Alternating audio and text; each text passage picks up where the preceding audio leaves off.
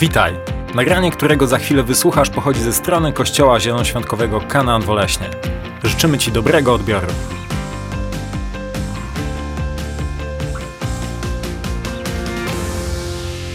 Dobrze. Dzisiaj zaczynam taką serię e, trzech kazań pod tytułem Rozczarowani. Rozczarowani. I patrząc na, na, na życie chrześcijańskie, widzę, że możemy być rozczarowani trzema osobami albo trzema, no tak, trzema osobami. Możemy być rozczarowani Bogiem. Filip Yancey napisał taką książkę Rozczarowany Bogiem. A 15 lat temu, jak ją czytałem, była fajna. Później już po moim uzdrowieniu nie mogłem już jej czytać. e, Z tego względu, że nigdy nie czułem się rozczarowany Bogiem. E, Ale ta książka dotyka tematu, który jest trudny i który, którego doświadcza wielu ludzi. Ludzie czasami są rozczarowani Bogiem. Ludzie są rozczarowani Bogiem. Druga grupa ludzi, którą e, możemy być, znaczy, druga osoba, którą możemy być rozczarowani, to są po prostu inni ludzie. Tutaj jest bardzo, każdy z nas ma potencjał, aby rozczarować innych, prawda? To mamy potencjał niesamowity, aby, aby rozczarowywać innych. To jest, to jest jakby bardzo proste. I trzecia, trzecia osoba, którą e, możesz być rozczarowany, to ty sam sobą.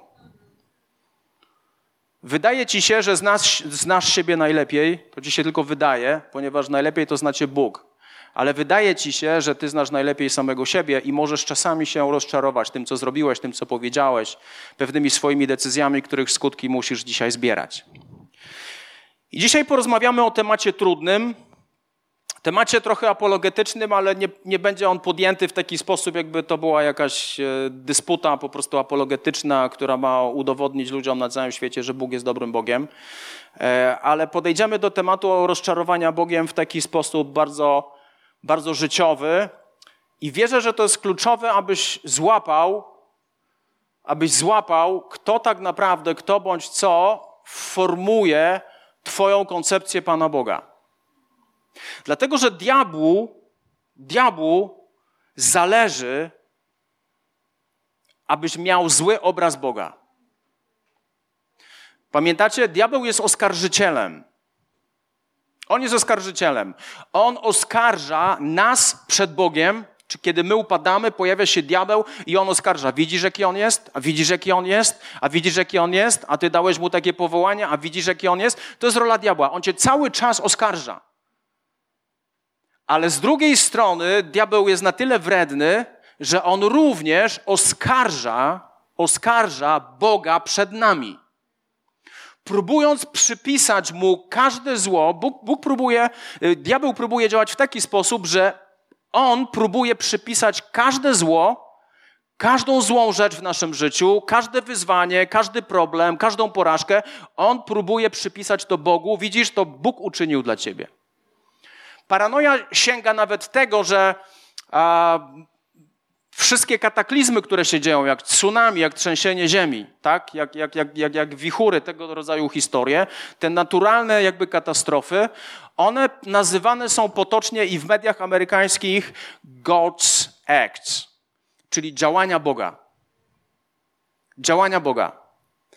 Nie ma większego kłamstwa, nie ma większego kłamstwa niż to, że Bóg jest sprawcą tsunami, trzęsień ziemi albo wielu, wielu innych rzeczy, które diabeł próbuje przypisać Bogu. To jest, to jest bardzo ważne, abyś ty dzisiaj zrozumiał, abyśmy my wszyscy dzisiaj zrozumieli, że my jesteśmy rozczarowani swoją koncepcją Pana Boga, ale nie jesteśmy rozczarowani, nie da, nie da się rozczarować Bogiem. Nie da się rozczarować Bogiem. Jesteśmy rozczarowani koncepcją Pana Boga. I teraz, zanim sobie pójdziemy, to pytanie jest takie: czy Bóg może być rozczarowany nami? Podnieś do, rę- rękę do góry, jeśli wierzysz, że Bóg może być rozczarowany Tobą. Podnieś rękę do góry. Jedna osoba. Ta reszta uważa, że Bóg nie może być Tobą rozczarowany. Dwie osoby. Trzy osoby. No, ci, którzy nie podnieśliście, to albo jesteście na tyle sprytni, że nigdy się nie odpowiada na pytanie kaznodziei, bo ono jest zawsze podchwytliwe. E, Ale kwestia jest taka, że rozczarowanie wyklucza wszechwiedzę. Nie, mo nie możesz rozczarować Pana Boga, bo Bóg już o tym wszystkim wiedział, co ty zrobisz. Bóg o wszystkim wiedział, co ty zrobisz. Nie jesteś w stanie rozczarować Pana Boga. Panie, ja, ja Cię zawiodłem, Panie, ja zgrzeszyłem, ja zrobiłem to czy tamto, a Ty mnie, Panie Jezu, powołałeś, a Ty to zrobiłeś, a Ty mnie tyle lat temu powołałeś i Ty byłeś ze mną, a ja Cię tak zawiodłem, przepraszam, przepraszam. I Bóg nie mówi, o, czyżby, rzeczywiście, namieszałeś nam trochę w niebie. Nie.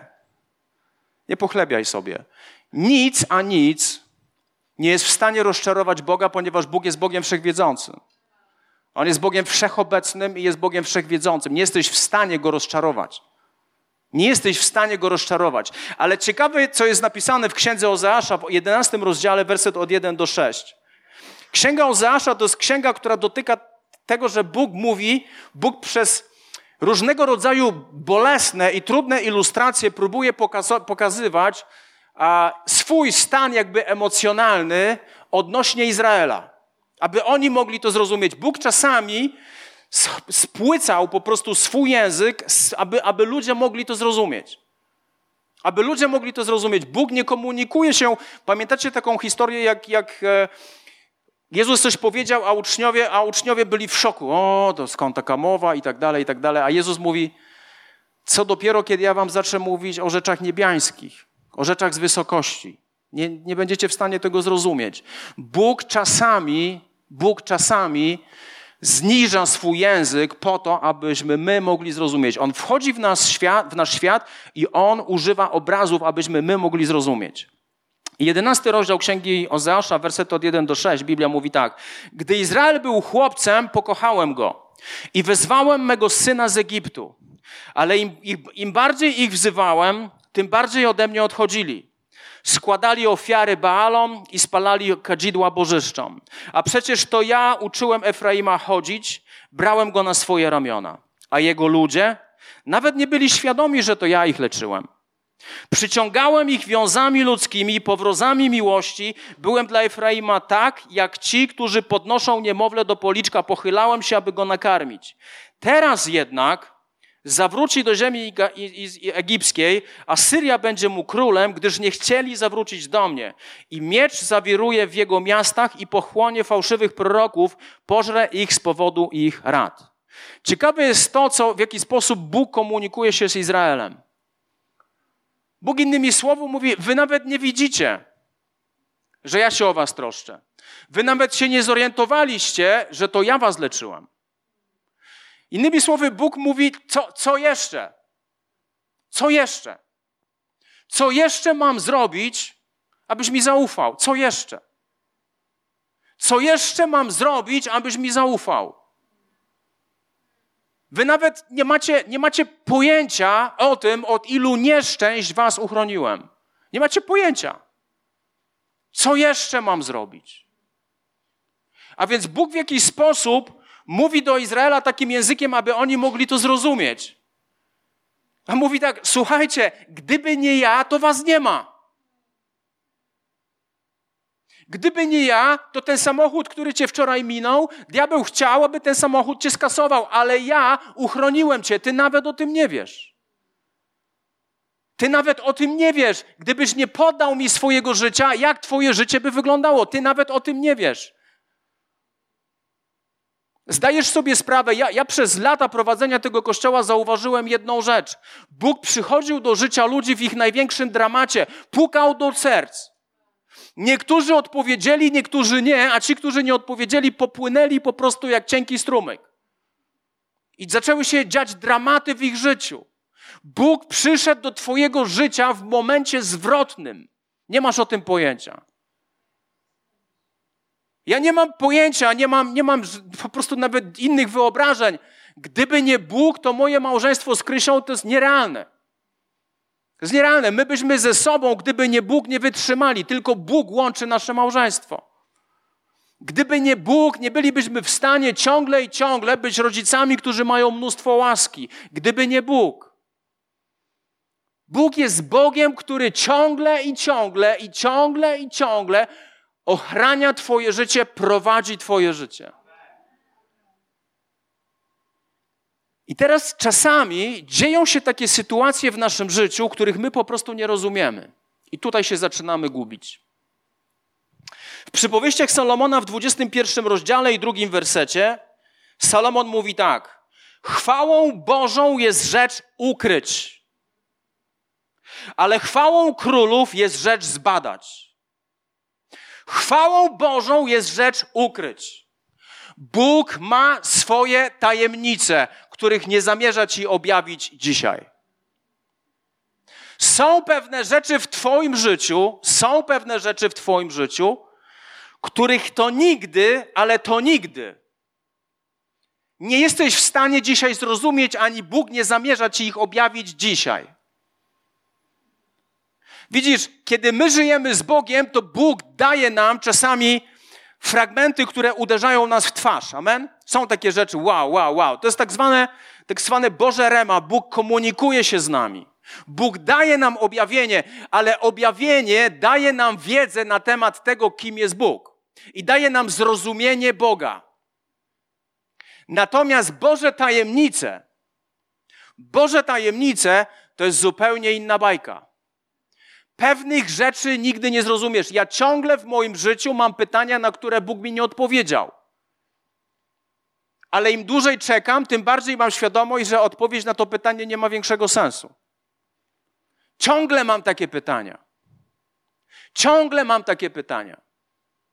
I ważne jest to, że właśnie w Bożych tajemnicach sprawdza się nasza wiara.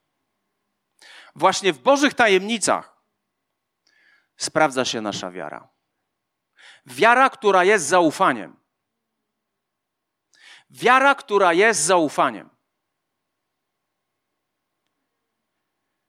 Nie wiem, dlaczego Bóg pewnych rzeczy jeszcze nie zrobił.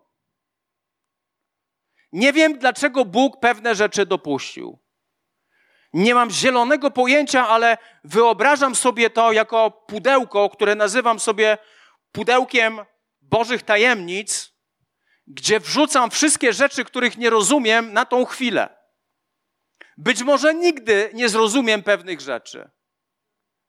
Być może nigdy nie zrozumiem pewnych rzeczy, ale Bóg czasami nie chce, abym ja zrozumiał pewne rzeczy. One mi są niepotrzebne. To mi się wydaje, że mi jest to potrzebne, ale to mi się tylko wydaje. I ilekroć pojawia się sytuacja w Twoim życiu, której po prostu nie rozumiesz, wrzuć ją do pudełka Bożych tajemnic. Wrzuć ją tam, do pudełka Bożych tajemnic. Wrzuć ją tam, niech ona sobie tam jest. Przyjdzie czas, że Bóg ci to pokaże, albo przyjdzie czas, że Bóg ci tego nie pokaże. Być może nie potrzebujesz tego tu i teraz. Ale jeśli chodzi o Boże obietnice, musisz nauczyć się ufać. Bo to jest zaufanie. To jest ciekawe, że Paweł kilka razy w liście do Filipian, kiedy siedział w więzieniu, mówi: Radujcie się, bracia, radujcie się. Kilka razy mówi: Radujcie się, radujcie się, radujcie się, bo radość w Panu jest waszą siłą. Radujcie się. On mówi z więzienia. Tego typu historie. Czy Paweł miał tajemnice? na które Bóg mu nie odpowiedział? Absolutnie tak. Pawłowi dużo objawiono, ale wiele rzeczy było przed nim zakryte. I Paweł dobrze się w tym czuł. Ty i ja musimy mieć świadomość, że pewnych rzeczy nie musisz zrozumieć. Skoro Bóg nie, ci ich nie objawia, nie musisz ich zrozumieć. Ja takich tajemnic mam trochę i, i powiem wam to, co wam powiedziałem wcześniej. Im dłużej czekam na odpowiedź, tym bardziej widzę, że ona nie ma większego znaczenia. Zostawiam sobie Boże tajemnice w pudełku Bożych tajemnic. Mówię, Boże, to jest Twój problem. Ja nawet, bo za, kiedy zaczynasz grzebać w tym pudełku, zaczynasz się gubić. Pojawiają się wtedy gorzkie żale. Pojawiają się, Panie, dlaczego? No ale dlaczego? No ale dlaczego? Ale dlaczego? Ale dlaczego? Dlaczego nie zmieni, nie zmieni Twojego stanu? Odpowiedź na dlaczego nie zmieni Twojego stanu. Naucz się żyć z Bożymi tajemnicami, bo one wymagają od ciebie. One wymagają od ciebie tego, abyś, abyś zaufał. Dlatego ja jestem fanem ludzi, którzy przeszli przez piekło i zachowali wiarę. Ja takich ludzi słucham. Tacy ludzie mogą być dla mnie mentorami. Pod takich ludzi nie mam problem się poddać. Ludzie, którzy przeszli przez piekło i zachowali wiarę. I widzę, że ich życie zaczyna rozkwitać. Jestem sceptyczny co do ludzi, którzy są dzisiaj ura-bura, są w wow, wow, wow, wow, wow, wow, aż do pewnego momentu. Bum! I kończy się całe ura-bura. I to, że pojawi się jakiś kryzys w naszym życiu, to jest, to, to jest wcześniej czy później. I to jest normalne, że są swego rodzaju wyzwania w Twoim życiu, i Ty widzisz to wszystko tylko w czarnych świat, w czarnych kolorach. Ale Bóg jest Bogiem, który przyjdzie ze swoją odpowiedzią i będziesz w szoku. Nie chcesz mieć takiej świadomości, że Bóg przez coś cię przeprowadzi, zostaniesz dotknięty przez Boga, zostaniesz albo uzdrowiony, albo uwolniony, albo coś się stanie, przejdziesz przez to i Bóg mówi: Od samego początku taki był Twój koniec. A teraz popatrz do tyłu. Czy przeszedłeś przez to wszystko tak, jak ja chciałem? Naszym celem nie jest przejść przez doświadczenie. Naszym celem jest przejść przez trudne doświadczenie, tak jak Bóg tego chce. A więc odnośnie rozczarowania Bogiem. Celem diabła jest rozczarować Ciebie Bogiem, bo to będzie koniec Twojego chrześcijaństwa.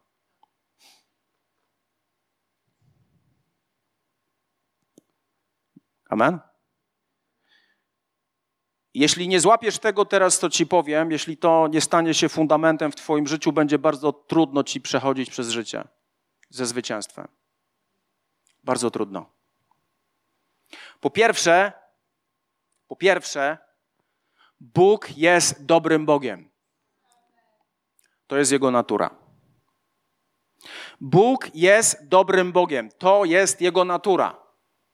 On nie może, widzisz, kiedy ty słyszysz, że Bóg jest dobrym Bogiem, to ty zaczynasz sobie definiować dobro przez swój pryzmat.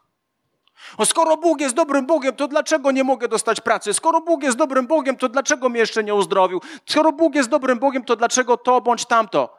Przestań definiować, przestań próbować rysować sobie swojego Boga poprzez swoje myśli i swoje wyobrażenia. Pierwszy list Piotra, drugi rozdział, drugi werset Biblia mówi tak. Jak nowonarodzone niemowlęta pragnijcie czystego mleka Słowa Bożego, abyście dzięki niemu rośli. I to jest ciekawe, co jest napisane tam dalej, w, zapiszcie to sobie.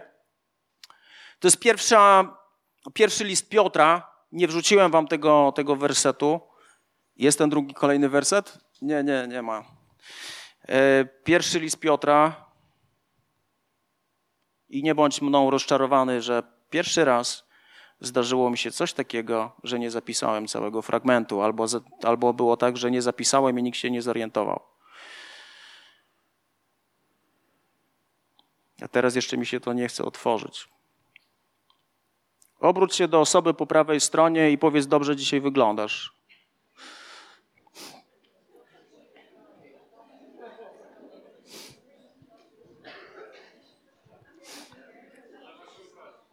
Nie, nie opowiadaj, co u niej słychać.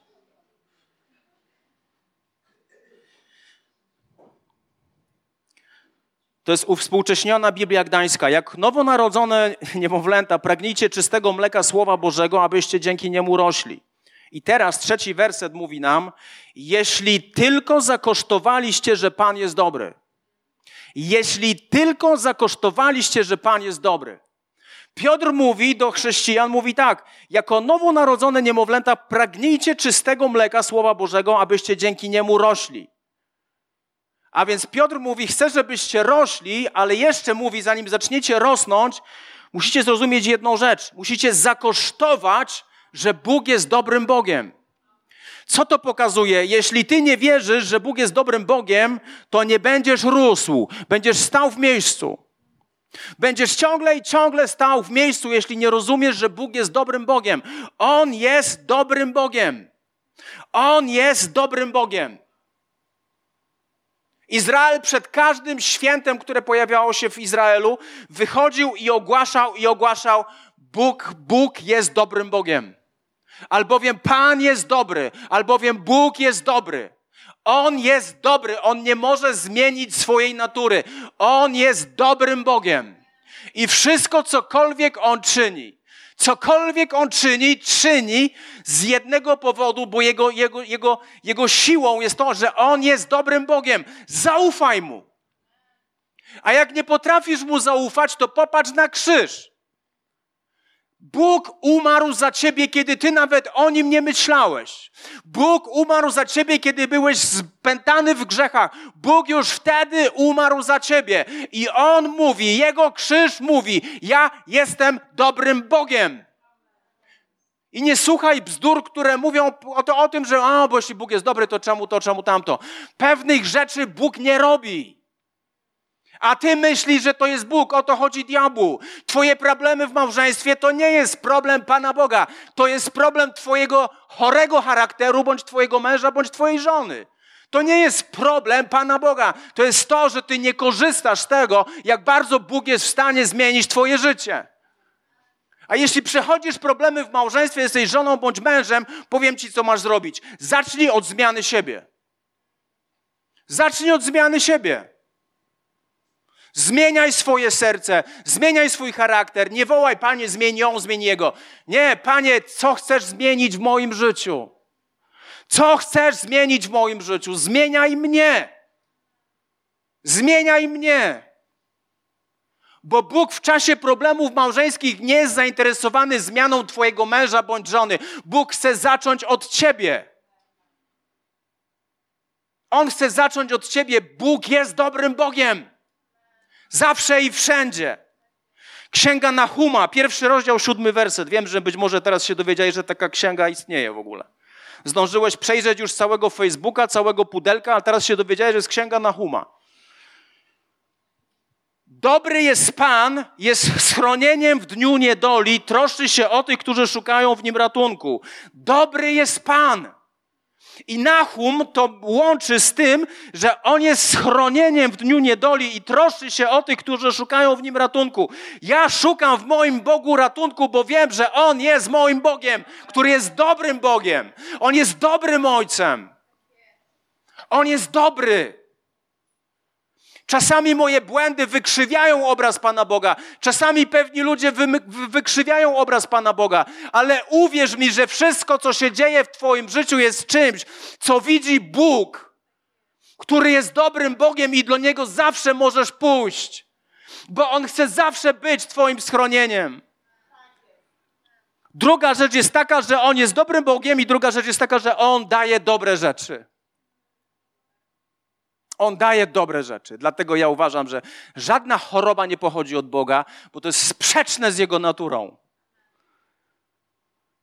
List Jakuba, pierwszy rozdział, wersetu od 16 do 17. Nie błądźcie, moi umiłowani bracia. Co jest ciekawe, że Jakub mówi, nie błądźcie. Zauważcie, że on tutaj mówi nie błądźcie. Dlaczego mówi tutaj nie błądźcie? Bo wielu ludzi w tej kwestii błądzi. Jest napisane tak: wszelki dar dobry i wszelki dar doskonały pochodzi z góry i stępuje od Ojca światłości, u którego nie ma zmiany ani cienia zmienności. Jakub mówi: Nie błądźcie w tej kwestii. Dlatego, że już wtedy na samym początku wielu ludzi, wielu chrześcijan uważało, że ta choroba jest od Boga. Wielu ludzi myślało, że ta katastrofa jest od Boga. Wielu ludzi myślało, że ten problem jest od Boga. Te rzeczy nie są od Boga. Dlaczego nie są od Boga? Jakub mówi: wszelki dar dobry i wszelki dar doskonały pochodzi z góry i stępuje od Ojca światłości, u którego nie ma zmiany ani cienia zmienności. Jeśli On jest dobry, to nie czasami, ale On jest dobry cały czas. On jest dobry cały czas. Pokaż mi chrześcijanina, który przechodzi przez problemy, to ja, ci, to ja ci udowodnię jedną rzecz. Udowodnię ci jedną rzecz. Że to wszystko, co się dzieje w jego życiu, jest po to, aby Bóg wyciągnął z tego człowieka zupełnie coś innego. I Bóg czasami pozwala, pozwala wrogowi diabłu dotykać naszego życia, ale wszystko jest pod Bożą kontrolą. Po to, aby Bóg przynieść, przyodniósł sobie z tego chwałę. Niektórzy z nas brniemy ciągle i ciągle w tym samym. Ciągle i ciągle, ciągle w tym samym. Wątpimy w Pana Boga, wątpimy w Pana Boga, wątpimy w Jego dobroć, jesteśmy zdystansowani, aby tylko być zbawionym. Pewne rzeczy będą się dziać w Twoim życiu, dopóki Bóg nie zmieni pewnych rzeczy w Twoim sercu. Nie bądźcie umiłowani, bracia, wszelki dobry dar i wszelki dar doskonały pochodzi z góry i stępuje od Ojca światłości, u którego nie ma zmiany ani cienia zmienności. Kolejna rzecz jest taka. Pierwsza księga Mojżeszowa, pierwszy rozdział, 31 werset. W końcu Bóg spojrzał na wszystkie swoje dzieła i rzeczywiście były bardzo dobre. Dokonały się, gdy nastał wieczór, a potem poranek, dzień szósty. Bóg, Bóg już na samym początku, w pierwszym rozdziale, w pierwszej księdze Mojżeszowej, pokazuje naturę swojego działania. Wszystko, co stworzył, było bardzo dobre. Wszystko, co on tworzy, jest bardzo dobre. Wszystko. Wszystko, co on tworzy, jest bardzo dobre. Jest niezwykłe. Teraz mamy na Netflixie takie filmy jak Jak głęboki jest ocean. Powiem ci, że jak to oglądasz, to jesteś w szoku. Jak bardzo to jest niesamowite. Jak bardzo to jest niezwykłe, co stworzył Bóg. Jak bardzo kolorowe, jak bardzo różnorodne jest to, co stworzył Bóg. I patrzysz na to, wow, jakie to jest dobre. Wow. Wszystko, cokolwiek Bóg stworzył, Bóg podsumował jedną rzeczą, bo jednym słowem, to jest bardzo dobre. I Bóg tworząc człowieka powiedział, to jest bardzo dobre. O, o kobiecie powiedział, to jest bardzo dobre. O mężczyźnie powiedział, to jest bardzo dobre. O wszystkich zwierzętach powiedział, to jest bardzo, bardzo dobre. To jest bardzo dobre, dlatego że to jest jego natura. On jest dobrym Bogiem. Ilekroć zaczniesz wątpić w to, że Bóg jest dobry, tutaj się kończy Twój rozwój. Tutaj się kończy Twój rozwój, ponieważ Ty nie jesteś w stanie, nie jesteś w stanie budować po prostu swojego życia ze złą koncepcją Boga.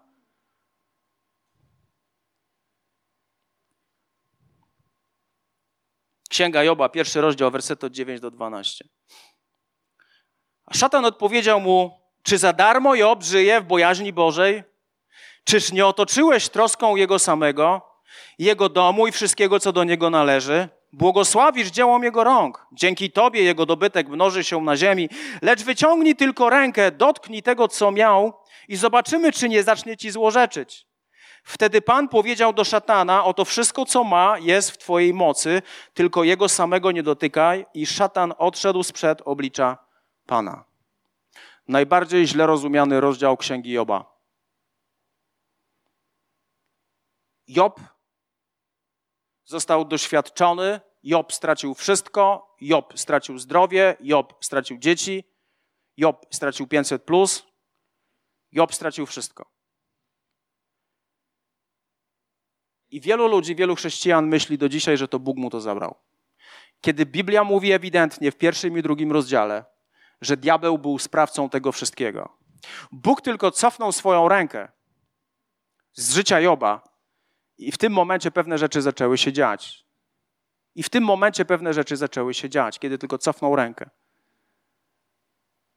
Dlaczego wam przeczytałem ten fragment? Dlatego, że wielu ludzi myśli, że Bóg jest sprawcą wszelkiego nieszczęścia i zła i tego, co nie jest dobre w ich życiu. To tak nie jest. Diabeł jest sprawcą wszystkiego, co złe w Twoim życiu. Diabeł jest sprawcą wszystkiego, co złe w Twoim życiu. Trzecia rzecz jest taka, że Bóg zna właściwy czas i jest to dobry czas. List do Galacjan, czwarty rozdział, czwarty werset. Lecz gdy nadeszła pełnia czasu, Bóg posłał swojego syna zrodzonego z kobiety, zrodzonego pod prawem. Gdy nadeszła pełnia czasu, Bóg zesłał swojego syna zrodzonego z kobiety, zrodzonego pod prawem. Ważne jest to, gdy na, nastąpiła pełnia czasu. Wiecie, że Mesjasz przyszedł w najlepszym momencie, w którym wtedy był świat? Był jeden język. Nie było granic. Wszyscy mogli się komunikować ze sobą, bo był jeden język. Był jeden język wspólny dla wszystkich. Wypełnił się czas. Jezus nie mógł przyjść w innym momencie, jak właśnie wtedy. To, że Jezus przyszedł w, w, w narodzie Izraela, też ma kluczowe znaczenie. Dlatego, że Izraelici, Izraelici czekali na Mesjasza. Oni wyczekiwali Mesjasza, oni oczekiwali Jego przyjścia. I Jezus przyszedł do narodu i przyszedł w momencie, który był najlepszym momentem. Wtedy pojawił się Mesjasz. I chcę Ci coś powiedzieć. Pewne rzeczy w naszym życiu, pewne rzeczy w naszym życiu wydarzą się w Jego właściwym czasie. I tu się pojawia problem wielu chrześcijan. Nic nas tak nie zmienia, jak czekanie na Bożą odpowiedź. Nikt, nic nie niszczy naszej wiary, tak jak czekanie na Bożą odpowiedź. Nic. Jesteśmy tak niecierpliwi, niecierpliwi. Tak bardzo chcielibyśmy tu i teraz. I cała cywilizacja nasza fast foodowa chce, aby pewne rzeczy zmieniły się tu i teraz. Ale Bóg chce nauczyć cię jednej rzeczy, kiedy czekasz. Wiecie, jak się kończy Księga Joba? 42 rozdział, 5 werset. Tylko ze słyszenia wiedziałem o Tobie. Przez ten cały czas, trudny czas, kiedy na coś czekasz, cokolwiek to jest, ilekroć czynisz Boga schronieniem i przychodzisz do Boga, Bóg chce objawiać siebie Tobie w taki sposób, jakiego jeszcze nie znasz. Bóg chce objawiać siebie Tobie w taki sposób, jakiego jeszcze nie znasz. Nie bądź śmieszny. Jesteś 20-30 lat chrześcijaninem i Tobie się wydaje, że Ty znasz Boga. Tobie się tylko wydaje. Tobie się tylko wydaje. Jestem 25 lat chrześcijaninem, 4 lata chrześcijaninem i powiem wam, że, że Bóg mnie zaskakuje. On działa w taki sposób, w jaki ja jeszcze w ogóle sobie tego nie wyobraziłem. Najgorsze jest to, że my bardzo często jest nas tak łatwo zatrzymać. W oczach dojrzałych chrześcijan jesteśmy śmieszni. Pamiętam, jak rozmawiałem kiedyś z biskupem Markiem Kamińskim. I opowiadałem mu o pewnych rzeczach, i opowiadałem mu, jakby to należało zrobić, i jakby tu Bóg musiał zadziałać, jakby to Bóg musiał zrobić, jakby to, to, to, to, to. I on mnie tak słuchał z cierpliwością, i cała nasza rozmowa skończyła się w taki sposób. No tak. Wiecie, co to było? On tylko zobaczył, jak bardzo ja nie rozumiem Boga. Jak bardzo mi się wydaje. Jak bardzo ja tylko myślę, że wiem a nie mam pojęcia. Zaufaj Bogu. On ma właściwy czas. Ilekroć czynisz Boga swoim schronieniem, tylekroć On będzie mówił do ciebie, co masz robić. On będzie cię prowadził krok po kroku. Czy jest to problem w Twoim małżeństwie? Czy jest to problem w Twojej pracy? Czy jest to problem z Twoim zdrowiem? Czy jest to problem z Twoimi finansami? Czy jest to problem z Twoimi dziećmi? Nic nas nie przemieniło, mnie i mojej żony, tak jak, sytu- jak, jak wychowanie naszych dzieci. Nic. Nic. Bóg nas zmieniał, Bóg nas kształtował, Bóg przemieniał nasze serca. Przychodziliśmy do Boga, Bóg był naszym schronieniem w tym wszystkim i wołaliśmy do Boga. I Bóg mówił do nas, albo mówił do mnie, albo mówił do Krysi, co my mamy w tym wszystkim robić.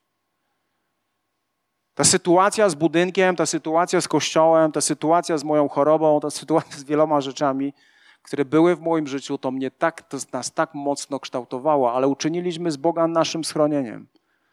I mamy świadomość, że my bez Niego giniemy, my bez Niego jesteśmy absolutnie nikim i mamy wiarę w to, że przyjdzie właściwy czas.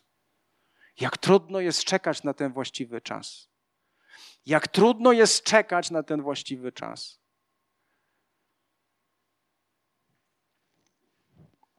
Czwarta rzecz. Jeszcze tylko dwa punkty i kończę. Ale to jest dobre, prawda? Amen? On zawsze działa ku dobremu w naszym życiu. Księga Rodzaju, naprawdę tak jest. Księga Rodzaju, 50 rozdział, werset 18 do 20. I jego bracia, jest mowa o Józefie, którego bracia sprzedali. Jego bracia podeszli i upadli przed nim, mówiąc: Oto jesteśmy Twoimi sługami. Józef powiedział do nich: Nie bójcie się. To, to, sprzedam kontekst. Józef miał fantastyczne dwa, dwa sny, kiedy był siedemnastolatkiem. Pochwalił się tymi snami. Te sny oznaczały, że przyjdzie taki moment w jego życiu, kiedy cała rodzina będzie klękać przed nim. Mama, tata i bracia. Józef był też ulubieńcem swojego ojca, miał specjalną kolorową szatę, był pupilkiem i Józef czasami biegał, patrzył, co robią bracia i kablował swojemu ojcu. Tak, no taki standardzik, pupilek. I jego bracia wyrazili swoją miłość względem niego w bardzo radykalny sposób, po prostu postanowili go zabić.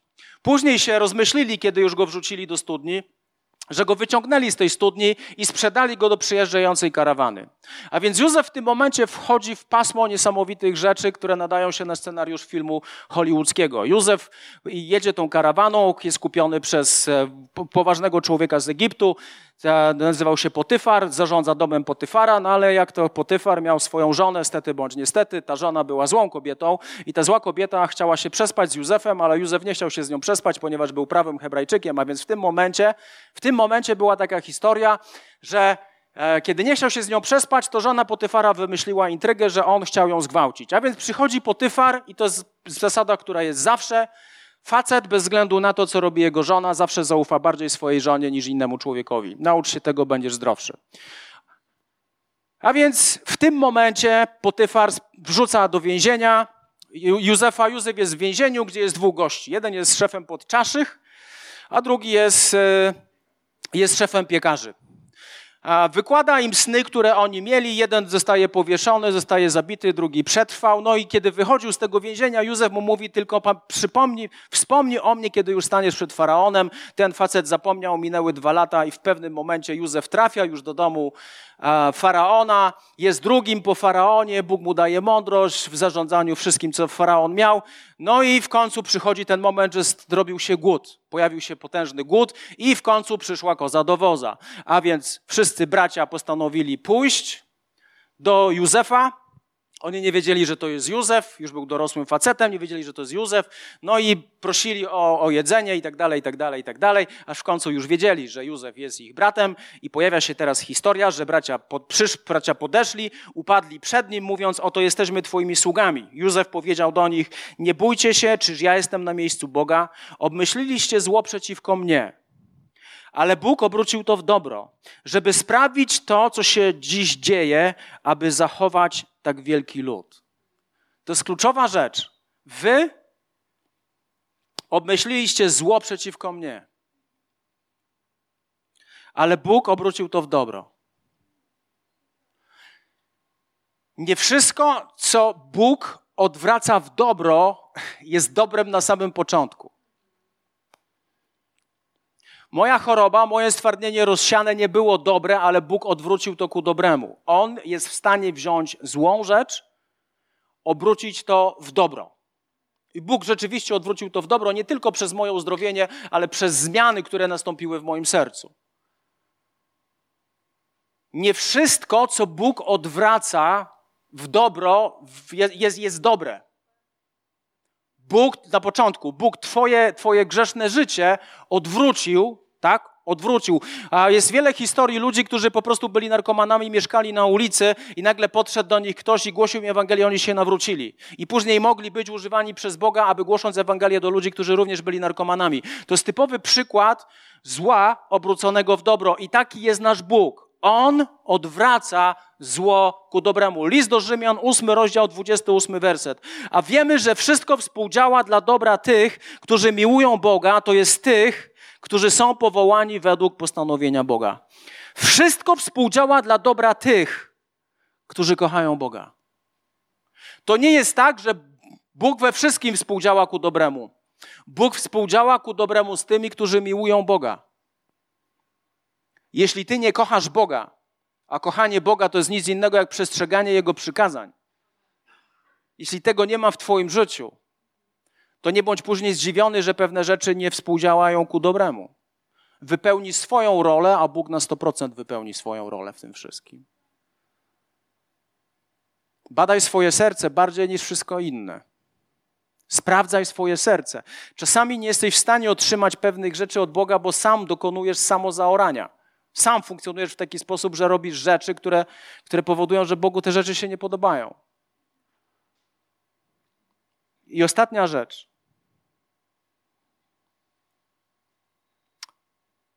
To jak dobrze przejść przez rozczarowanie. Prawdopodobnie ostatni psalm zaśpiewany, wykrzyczany, wygłoszony na tonącym Tytaniku to był Psalm 23. Nie ma piękniejszego psalmu niż Psalm 23,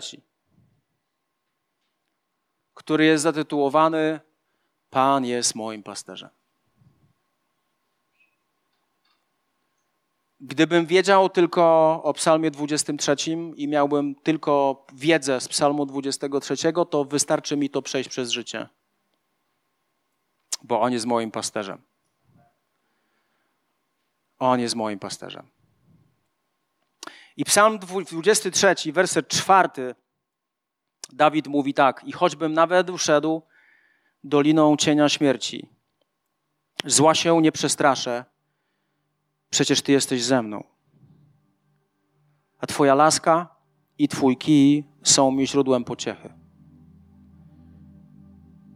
Kiedy idziesz przez dolinę śmierci, kiedy idziesz przez czas rozczarowania w swoim życiu, nie zatrzymuj się. Zauważcie, co mówi Dawid. I choćbym nawet szedł doliną cienia śmierci. Jeśli zatrzymasz się w dolinie śmierci, jeśli zatrzymasz się i zaczniesz kombinować i wymyślać swoje strategie i zaczniesz uprawiać gorzkie żale, to się zatrzymasz i nie pójdziesz dalej. Posłuchaj, posłuchaj mnie bardzo uważnie. Dolina śmierci rozczarowanie jest tymczasowe. To jest tymczasowe. To jest na chwilę. Ale to, co mówi Dawid, choćbym szedł, nie zatrzymuj się. Nie buduj domów w Dolinie Śmierci, nie zatrzymuj się. Idź. Cały czas idź, idź, idź, nie zatrzymuj się. Niech Twój umysł też idzie z Tobą, nie zatrzymuj się. Przychodzi jesień, czas kontemplacji, nie kontempluj, nie medytuj, nie rozmyślaj nad Doliną Śmierci. To jest najgorsze, co jesteś w stanie zrobić. Zatrzymać się w Dolinie Śmierci. Dolina śmierci czasami jest tak mocno sugestywna. Ona wysyła ci tak mocne sygnały, aby się zatrzymać i zacząć myśleć nad swoim życiem i zatrzymać się i zacząć budować domy i zacząć funkcjonować w tym i nie iść dalej. Zatrzymać się. Bóg mówi: idź dalej. Nie zatrzymuj się. Nie zatrzymuj się w dolinie śmierci. Nie zatrzymuj się. Idź dalej. Idź dalej. Bóg jest Twoim schronieniem. Idź dalej. Zauważcie, co mówi Dawid.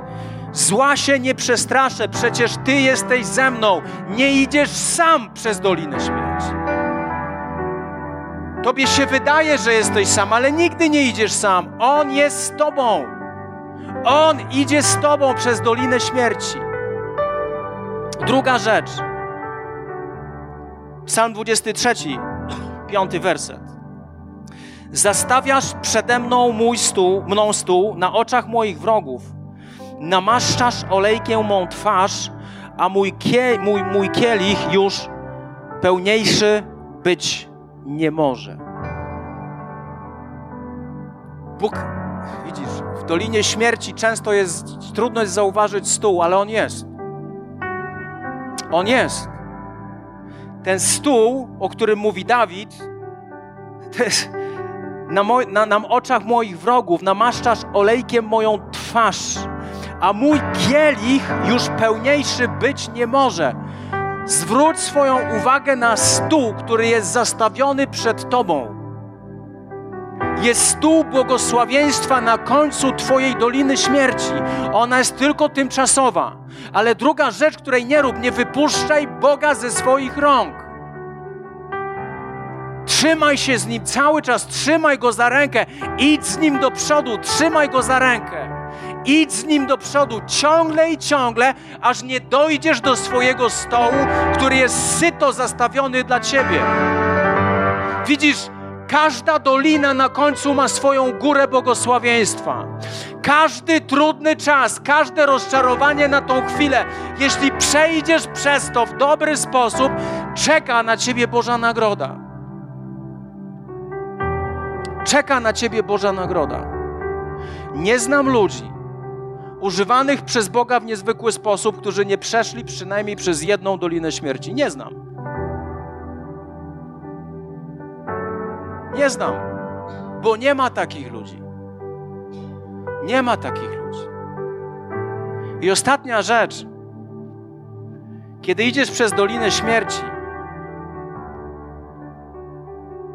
nie przestawaj dostrzegać Bożego dobra w swoim życiu. Psalm 23, werset 6. Tak, Twoja dobroć i łaska nie odstąpią mnie na krok przez resztę dni mojego życia i zamieszkam w domu Pana na długo. Kiedy idziesz przez dolinę śmierci, ty nawet tego nie zauważasz. Diabeł zrobi wszystko, żebyś tego nie zauważał. Ale Bóg dookoła ciebie robi dużo dobra. Bóg robi dużo dobra dookoła ciebie. Mnóstwo dobra. Przykład mojej choroby. Dlaczego ja byłem w tamtym czasie w Częstochowie? Dlatego, że Bóg mnie postawił obok człowieka, którego mogliście słyszeć tydzień temu. I ten człowiek wie, co to jest uzdrowienie. Ten człowiek funkcjonuje w uzdrowieniu, ten człowiek widział setki ludzi uzdrowionych. Z raka on widział mnóstwo, on widział więcej uzdrowień niż tych seriali na Netflixie. Dobry tekst. I Bóg mnie ustawił obok tego człowieka. Błogosławieństwo niesamowite. W momencie, kiedy ja zachorowałem, w momencie, kiedy ja otrzymałem diagnozę, w tym samym momencie została przetłumaczona na polski i wydana w języku polskim klasyka, jeśli chodzi o życie w oparciu o wiarę, to był Alan Vincent, Dobry bój wiary. To się pojawiło w tym momencie. To się pojawiło w tym momencie, w tej sytuacji. W tym samym momencie, kiedy ja przechodziłem przez Dolinę Śmierci, Bóg wysłał nas na wakacje do Australii, bo wie, bo Bóg wiedział, że mojej walce upał nie pomaga. A więc wysłał mnie do Australii, która miała zimę w tamtym czasie, ale de facto ich zima to jest nasza wiosna, ale i tak było lepiej niż w Polsce w tym samym czasie. I jest wiele, wiele dobra, które się dokonało w Dolinie Śmierci. Nie przestawaj dostrzegać dobra, kiedy idziesz przez Dolinę Śmierci. Nie przestawaj dostrzegać.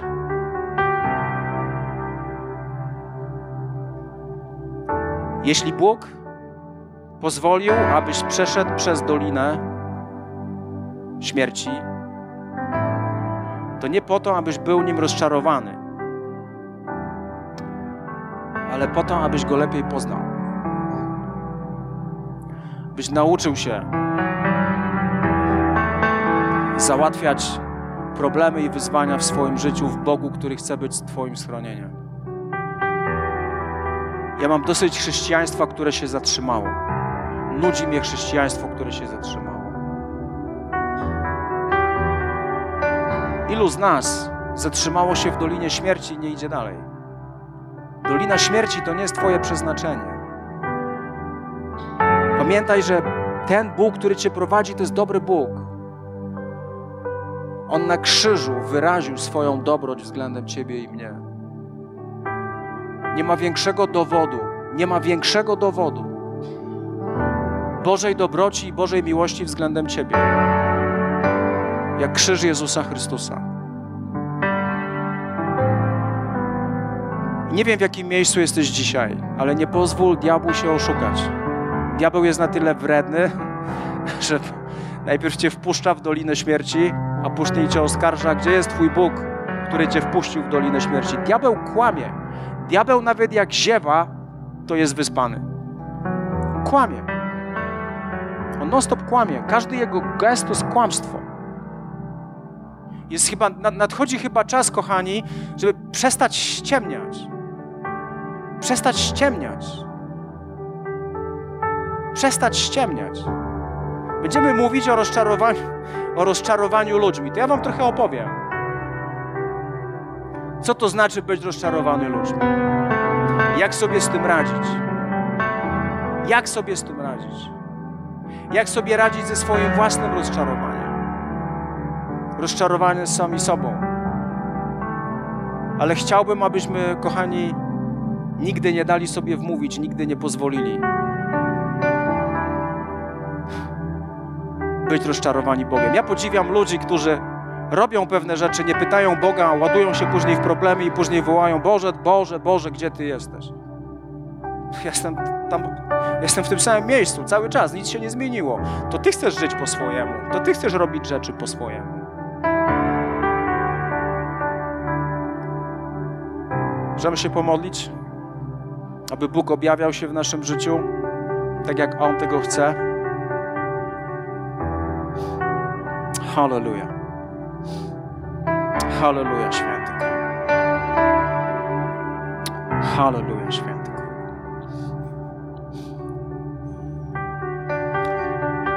Pamiętaj, On jest dobrym Bogiem. Jeśli diabeł ci wyrwie ten fundament, że On jest dobrym Bogiem, to nie będziesz rósł w chrześcijaństwie. Bóg nie zbawił cię po to, abyś chodził do kościoła. Bóg nie zbawił cię po to, abyś przyszedł do kościoła i wszyscy mamy piać z zachwytu, że jesteś. Bóg zbawił cię po to, abyś był błogosławieństwem dla innych ludzi.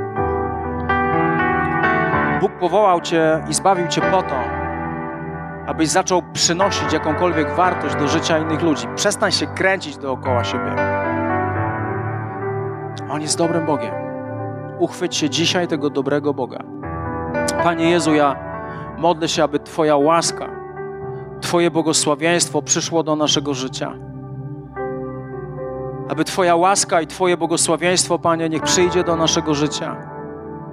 Cudowny Królu mój, ja modlę się, abyśmy przestali winić innych za nasze błędy. Abyśmy przestali winić Ciebie za rzeczy, z którymi Ty nie masz nic wspólnego.